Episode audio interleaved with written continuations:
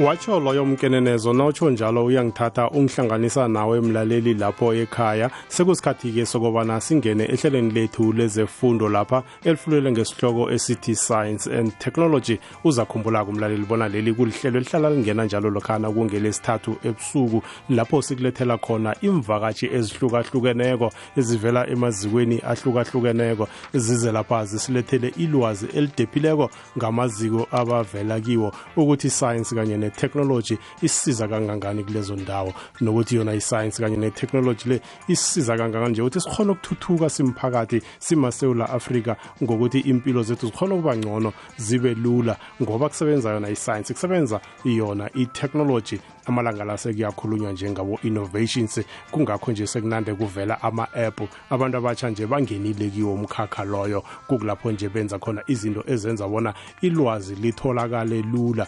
Uthomile-ke umnyaka eh, inkolo nazo nje eh, uyathola nje ukuthi seziyathoma eh, zingena phasi nje kuyathoma kuyafundiswa eh, nemphumela nje yaka-grade 12 nayo. Seyizokuphuma zonke into ezifana nalezo eh, sizokuhlathulula-ke nje ukuthi eh, i-app eqakathekileko ekutheni lokhu umntwana nakaphasileko nalokhu nje nethola ukuthi mhlawumbe akakaphumeleli ukutshinga phambili eh, kuyini nje angakwenza eh, nokuthi angasizakala njani. Sikhambisana lapha nosibusiso mahlangu eh, oyi-director ye-operations lapha kusibuda more online. Uzakhumbula kumlaleli bona le kuyikhampani nje echeje khulukhulu i-itc eh, kanti yona ingali ngesiyabuswa. Uzosihlathululela-ke umntungwa nje ukuthi ngimaphi nje ama-app angasiza umuntu omutsha eh, umnyaka nje usikima kuchingwa phambili. Eh, singakarageli phambili-ke nesihloko sethu. Hlala nathi-ke uzokuzwa bona eh, usiphathele ziphi umahlangu.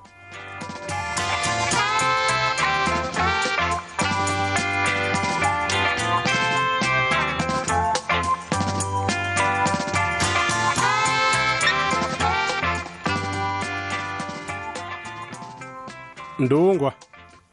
Ande babukabini niyaphila na?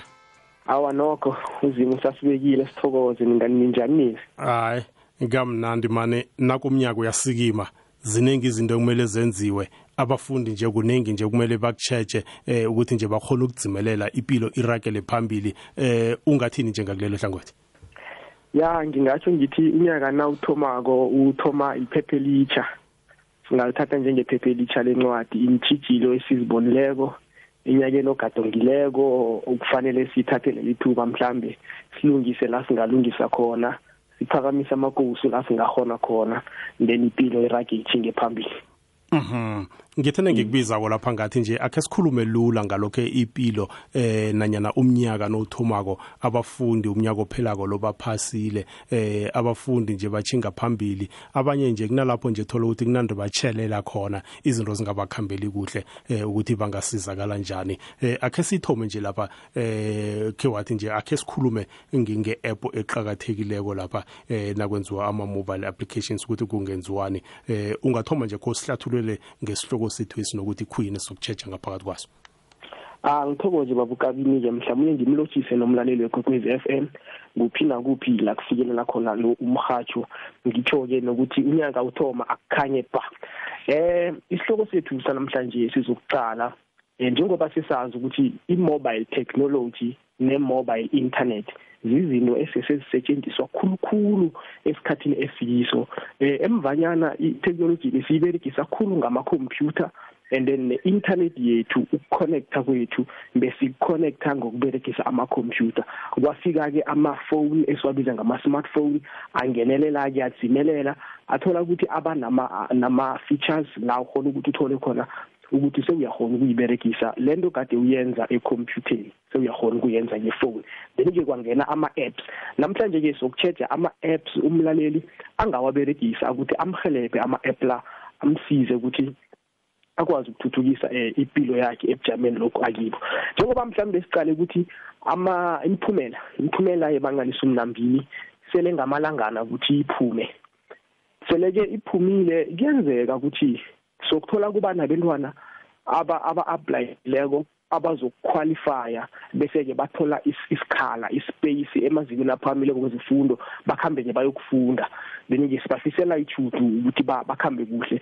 Bese kuyoba nalaba oyokuthola ukuthi iye khona baphasile mara ngenxa mhlambe ye-APS lento sibiza nge-admission score admission point score le okuhlanganiswa kwama levels wemfundo zakhe ngenza umzekelo ukuthi nawuthole isindebele sakho usithole ngo level 7 i-maths uyithole ngo level 5 bathi 5 plus 7 sewuna 12 bese bafaka ne subject yes 3 bese bazihlanganisa zonke ke i-total i-APS uthola ukuthi umuntu uphasile iye ngebachelor mara i-APS yakhe ithi 24 mara into le ayi-applyileko beyifuna 28 then ke abahoni ukuthi bamnikele ispace.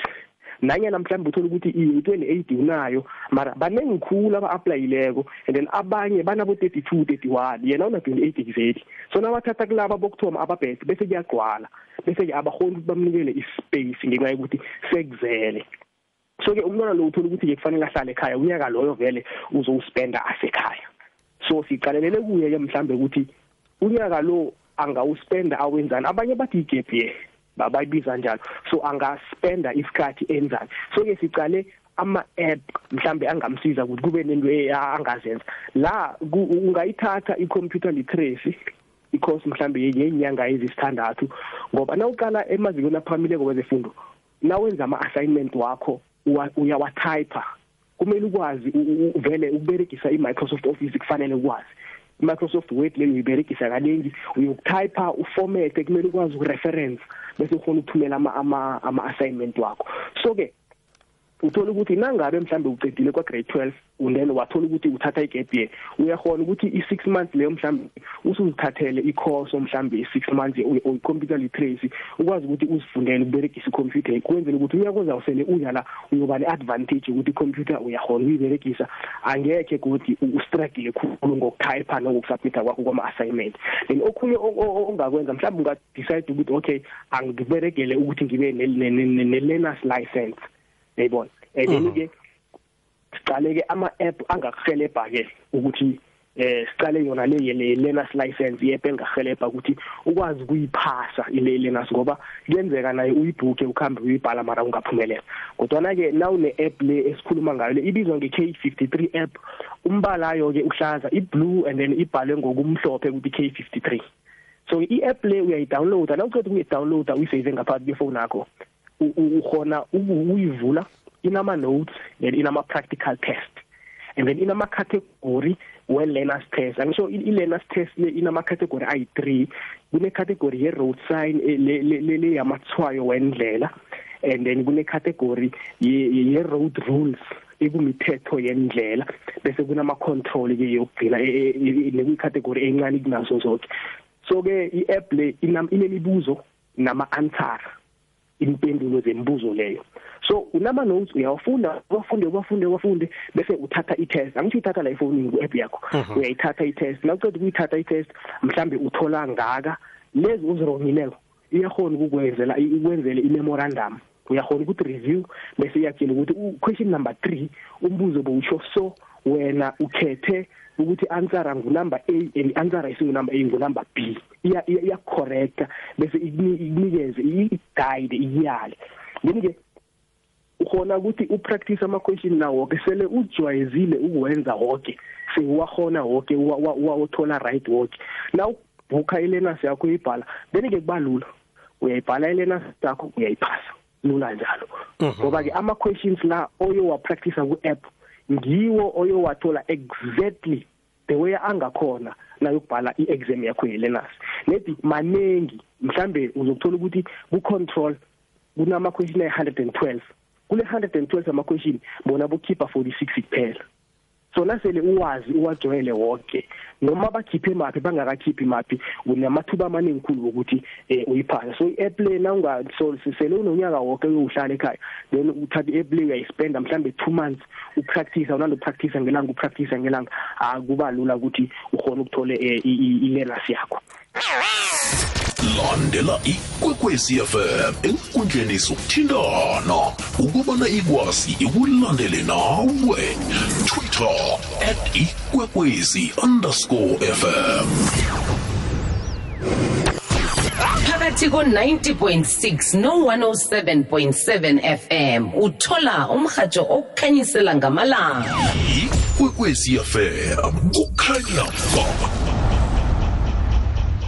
usalalele ihlelo lethu le-science ne-technology lapha kukwekwezi FM lapho ngikhambisana khona nosibusiso mahlangu oyidirector ye-operations lapha kusibuda mo online. Eh umlaleli uzakhumbula bona le kuyikhampani nje eh, engale ngesiyabuswa. Eh kuba abantu laba angazange uthola ukuthi eh, nebathoma eh, izinto ezihle beyakhuphuke beze ngepituri bakhuphuke bachinge bojohannesburg eh, bathuthukisa eh, umphakathi wekhaya le. Eh, kuba abantu nje uthola ukuthi into ezinjengalezi kumele siziyelele sizisebenzise ngombana nje ukuthola ukuthi kuzizinto ezitholakala ekhaya kukho lathola ukuthi kumele ukhwele ukuhamba isikhathi eside asisebenziseni zona ezisekhaya ezi nandi nelwazi abasinikela lona. Mndungwa asiragele phambili nge-app elandelayo aha babukabini eh i-app elandelako la ngiqale nasi i-app ibizwa nge-intelligent cv i-app le ngiyokwenza ama-cv njengoba sikhulumile-ke ukuthi i-mobile technology ingenelele emva i-cv angisho besiyithayipha ku-laptop.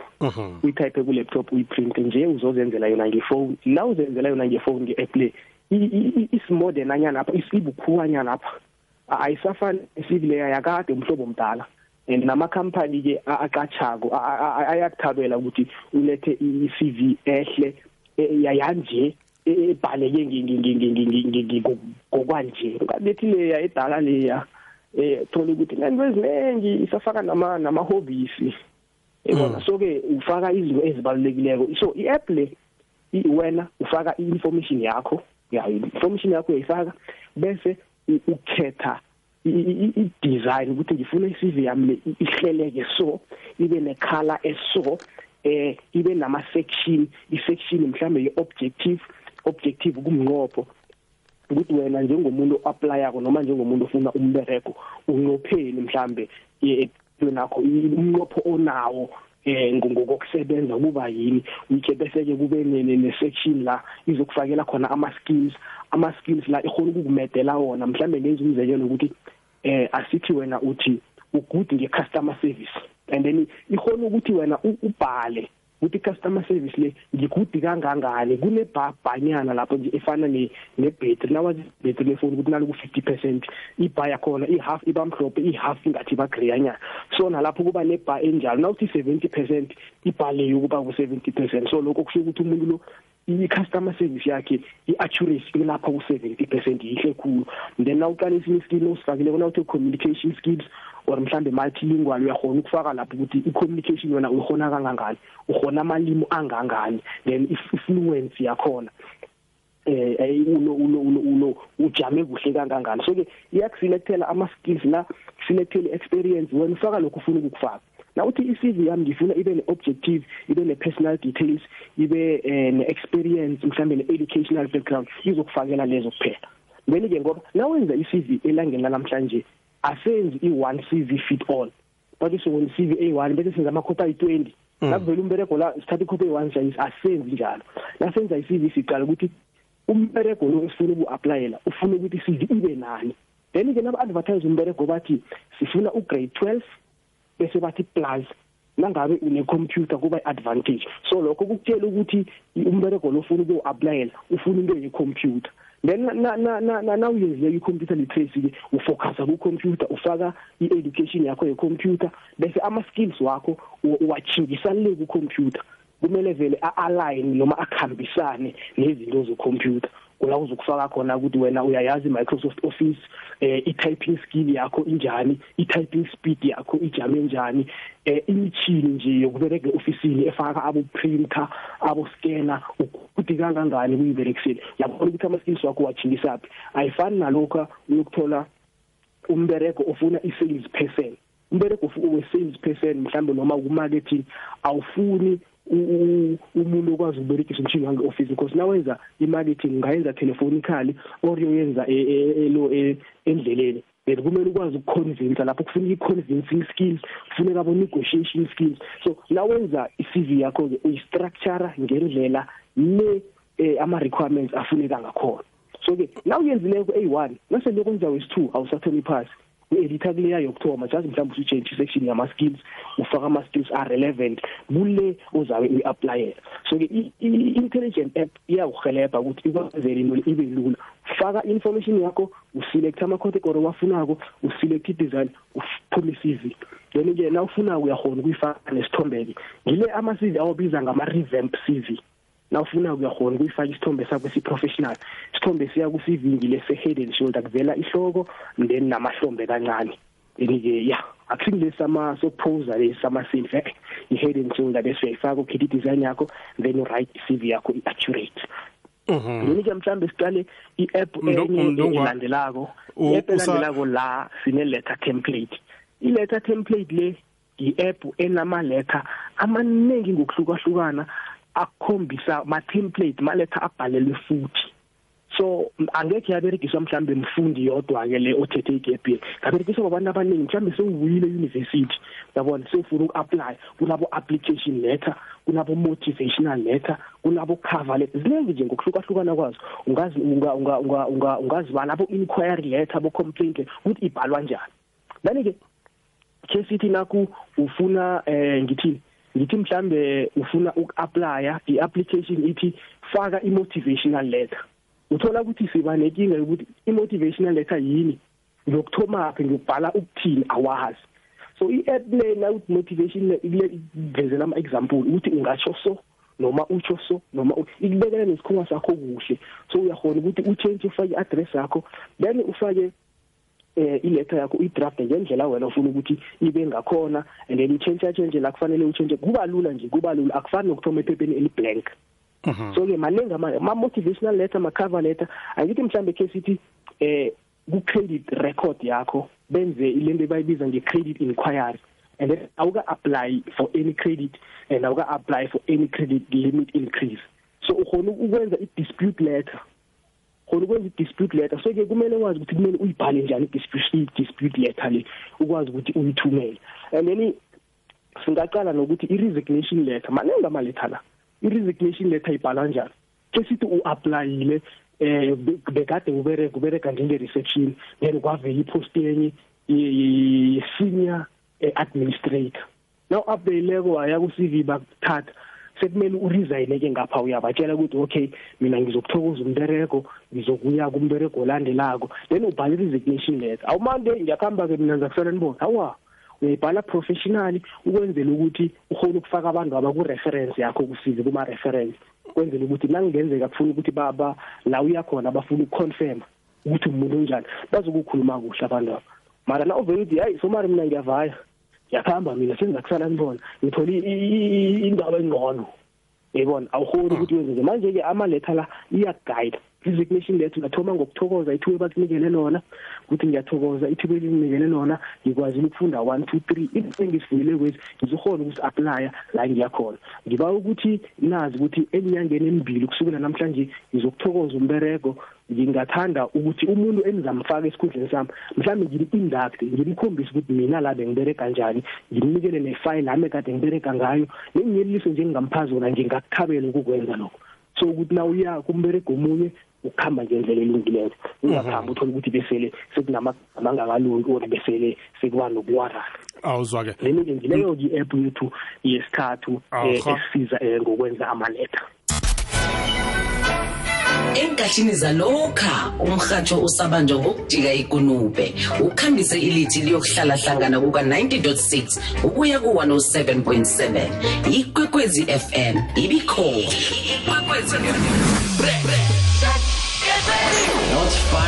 Ikwekwezi nenkathini zanamhlanje sizoqhofoza inomboro yedijithali nenkundla zokuthindana ezenza umbone ngamehlo umrhatshi wakho omthandako. Ikwekwecfm isesekhona 90.6 ukuya ku-107.7 fm umkhanyo ukhona kukhanya ba. Usalalele ihlelo lethu le-science ne-technology lapha kukwekwezi FM lapho ngikhambisana khona nosibusiso wakwamahlangu eh, oyi-director ye-operations eh, lapha kusibudamo online. Nguye-ke usivakatshi sethu sanamhlanje si lapho nje asihlathululela khona ama-app eh, ahlukeneko nje angasetshenziswa eh, lokha nithola ukuthi nje umfundi ufuna nje ukuzithuthukisa ngelwazi nanyana nje umfundi eh, uthethe eh, eh, nakya umnyaka bavamise ukubiza ngokuthi kuyi-gap year into ezifana nalezo. Mntungwa asiragele phambili-ke eh nasitshetshe wona ama-app la okhuluma ngawo la. Kokuthoma nje mhlambe sitshetshe eh, yona igap ye okhuluma ngayo le. Eh i- igap ye nokusetshenziswa kwefoni ama-app la eh uthola ukuthi nje abafundi nanyana abantu abasha angitsho njalo bawasebenzisa ngendlela efaneleko na? Uthola ukuthi umuntu nje uyakhona ukungena efonini angene kuma-app kodwana angayasebenziseli nje ukuthi akazithuthukisa chinge phambili kube umuntu nje osafuna nje u- ukuzithabisa nanyana nje ukuthi nje akhone nje ukukhuluma nabantu abahlukaneyo iye khona eh babukabini akunamraro ekutheni umuntu abe nama-app mhlambe wokusocialize ukucommunicate nje nabantu mhlambe ama-app wokuthenga ama-app wokwenzani khona akusimraro. Nedi-ke besikhuthaza ukuthi umuntu abe nama-app la azokuletha i-value ethileko empilweni yakhe ama-app la azokwenza ukuthi amhelebhe ngoba-ke ekugcineni woke umuntu uyafuna ukuthi awuthole umbereko and ukuze uthole umbereko kumele uye ku-interview. Ukuze uye ku-interview kumele ukwazi ukubhala i-CV i-CV ezokubizela ku-interview then kuphasa i-interview okuzokwenza ukuthi uthole umbereko kungakho-ke i-app yethu elandelako siqala i-app nasiya eh e- ebizwa nge-interview eh interview question and answers. Kuyi-app esiphathele imibuzo ebizwa ebuzwa ku-interview. Ama-answer wakhona ukuthi imibuzo le kufanele uyiphendule njani ukuze ukwazi ukuphasa i-interview. Mhm. Asisale sikhwela phezulu vele i-app le. i-app leke nayo i-app ngene emafonini uyayidownloada then ke njengoba senichazile izokuba nemibuzo ebuzwa kuma interview bese ke imibuzo le bazokuchazisela yona ukuthi mhlambe umbuzo lo bangawubuza ngendlela ezihlukahlukeneko bese bakutshela ukuthi laba ngakawubuzi so bazowubuza so labangakawubuzi so bazobusho ukuthi bayakuyala kubhaliwe konke lokho kuleyo app leyo then bese ke kuba nama notes kuba nama tips bayakuthipha ke ukuthi sele uphendula imibuzo le kumele uyiphendule so ubalekile ukuthi so into esifana nalezo. Bese ke kunama answera wabantu abaphendulileko ama answera akhona abaphendulile benza ama mistake anyana lapha nalapha. Bese ke nama corrections nemlungiso zakhona ukuthi dala lo uphendulile uthe 1 2 3 and u3 lo bekumela ngambeki so nakanibeka so uyalumela. Kumele uyiphendule uyibeke so na so na so. Ngani ke ikwazi ukuthi ihlala kuhle and ke ibe professional. Mhlambe singaqala ama example noma imibuzo evane ibe khona nokuthi mhlambe ungayithekila kanjani ngokuyalwa noma ngokuguidwa i-app le. I-app le ukhona ke umbuzo lapha uthi eh what did you dislike about your previous employee? Ukuthi yini ozange uyithande nge-employer ngomqashi wakho waphambilini mhlawumbe bekade ubereka sewuthola umbereko omutsha bakubizele kuma interview bayakubuza ukuthi yini ozange uyithande? Umbuzo lo bawubuzela ukuthi bakhona ukubona ukuthi bokuberekisa kanjani nabasebenzi ama colleagues nama senior ama supervisor wakho. So ke the moment lokuthi umuthi cher diamond then ungene enkingeni abalifuni ukuthi uhlambalaza omunye umuntu baqala ukuthi ilocal i-management noma mhlambe i-people skill yakho ingangani bobereka kuhle kangangani ne-team yakho. So indlela ke elula yokuthi uphendule umbuzo lo. Wena ungathoma ngokusho ukuthi mhlambe umqashi wakho uyajabula eh bekumuntu eh ogudi ngama entry level job. Ama entry level job iberego le yokuthoma yokungena emakhampani manje njengoba bekade agudi ukukatshile wena wakwazi ukuthi ufunde ama skills athileko. Njeke wena sewufuna into e challenging into ezokuchallenge ngikho abela umberego ophezudlwanyana ukwenzela ukuthi ukhona ukuapply ama skills la owafunde na usaqashwe umuntu logada kuqashwe ku entry so uyibeka kuhle ngendlela ehle.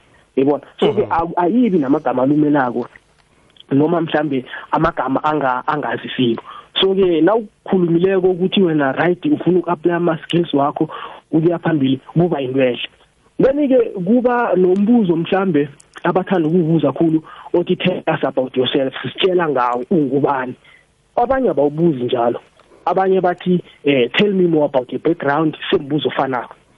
Omunye ngathi eh walk me through your CV tell me something that is not on your CV so umuntu usabuza ngayo mara akafuni uphinde into oyibhale ku CV yabona into esifana zala omunye angayibeka ngendlela ukuthi mhlambe uh, tell me something that is not on your CV or athi uh, this is the different uh, ngingathi angabuza ukuthi okay eh what is your journey? Tell me about your journey. Mhlawumbe ikhambo lakho.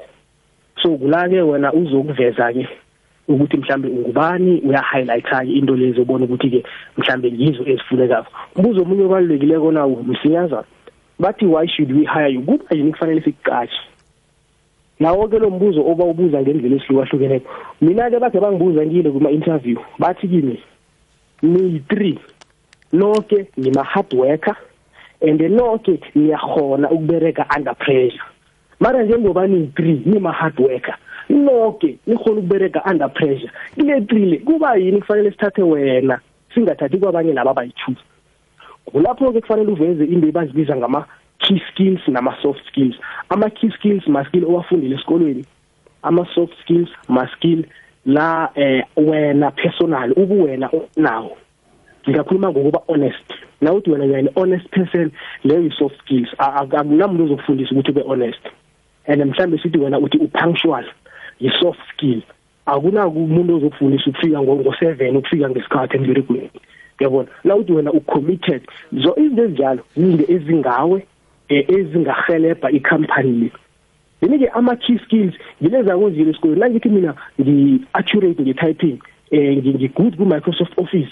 Ngihona uku-operate i-windows 10 or i-windows 11 yayibona? Lezo ma skills ozowaveza eh azokukhambelana nombereko lo ubizele wona eh eh iziklenge nje? If uqala lapho ku app ama advice nokuthi kumele uphendule njani ukuthi konke lokho engikutsho kukhona kubhaliwe lapho ku app la uyifakile ku app leyo izokusiza ukuthi zibe lula. La umbuzo ovana silimaze ukugcina.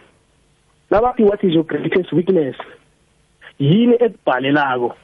Lo mbuzo ke kuloko ovane wenza ukuthi ne-interview noma kade sele uyiphasile bese ugcine uzilimaze wena.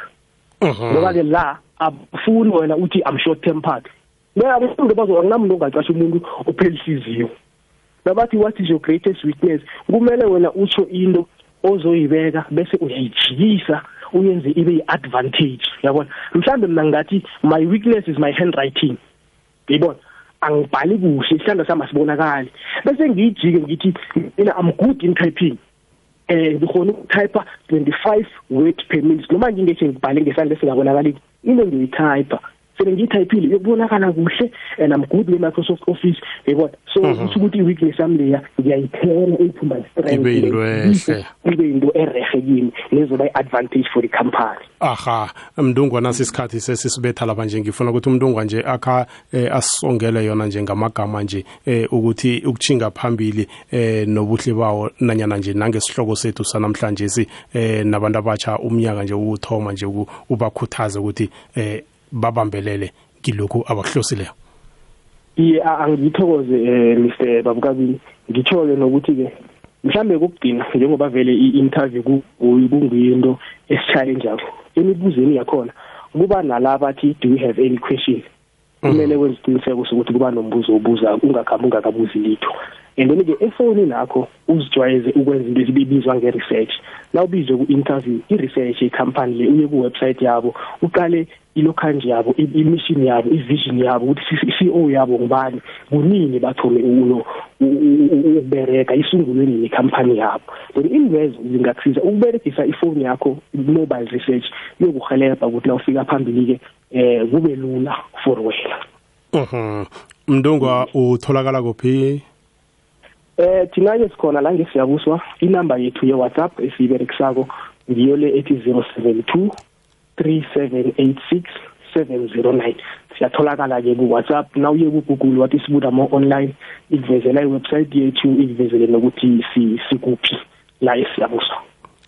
Mndungwa sithokoze isikhathi sakho nje nelwazi osinikele lona ehlelweni lethu lanamhlanje le-science ne-technology emkhakheni we-ict sithokoze kuzala izandla zombili babukami aha loyo bekungusibusiso mahlangu oyidirector ye-operation lapha kusibuda mo online engale ngesiyabuswa. Nguye bekasivakatshi sethu sanamhlanje si lapho bekasihlathululela khona njengama-app ahlukahlukeneko nokuthi nje asetshenziselwa ini. Khona nje abantu abatsha baza kuthola ilwazi eh bakhona nje ukuzithuthukisa eh ukuthi nabo babe ready. Lokhu nabathola ukuthi bachinga emkhakheni ehlukahlukeneko lapho sithuthukisa nanyana siragela khona phambili ngempilo asilibeke lapha-ke ihlelo lethu lanamhlanje le-science ne-technology. Mina nawe-ke mlaleli asibuye kodwa sihlangane kilo leli hlelo ngolosithathu weveke elandelako. Lapho-ke sizabe sesikuphathele esinye godu isihloko esimayelana nayo isayensi kanye ne-technology. Kwanamhlanje si akube mumusa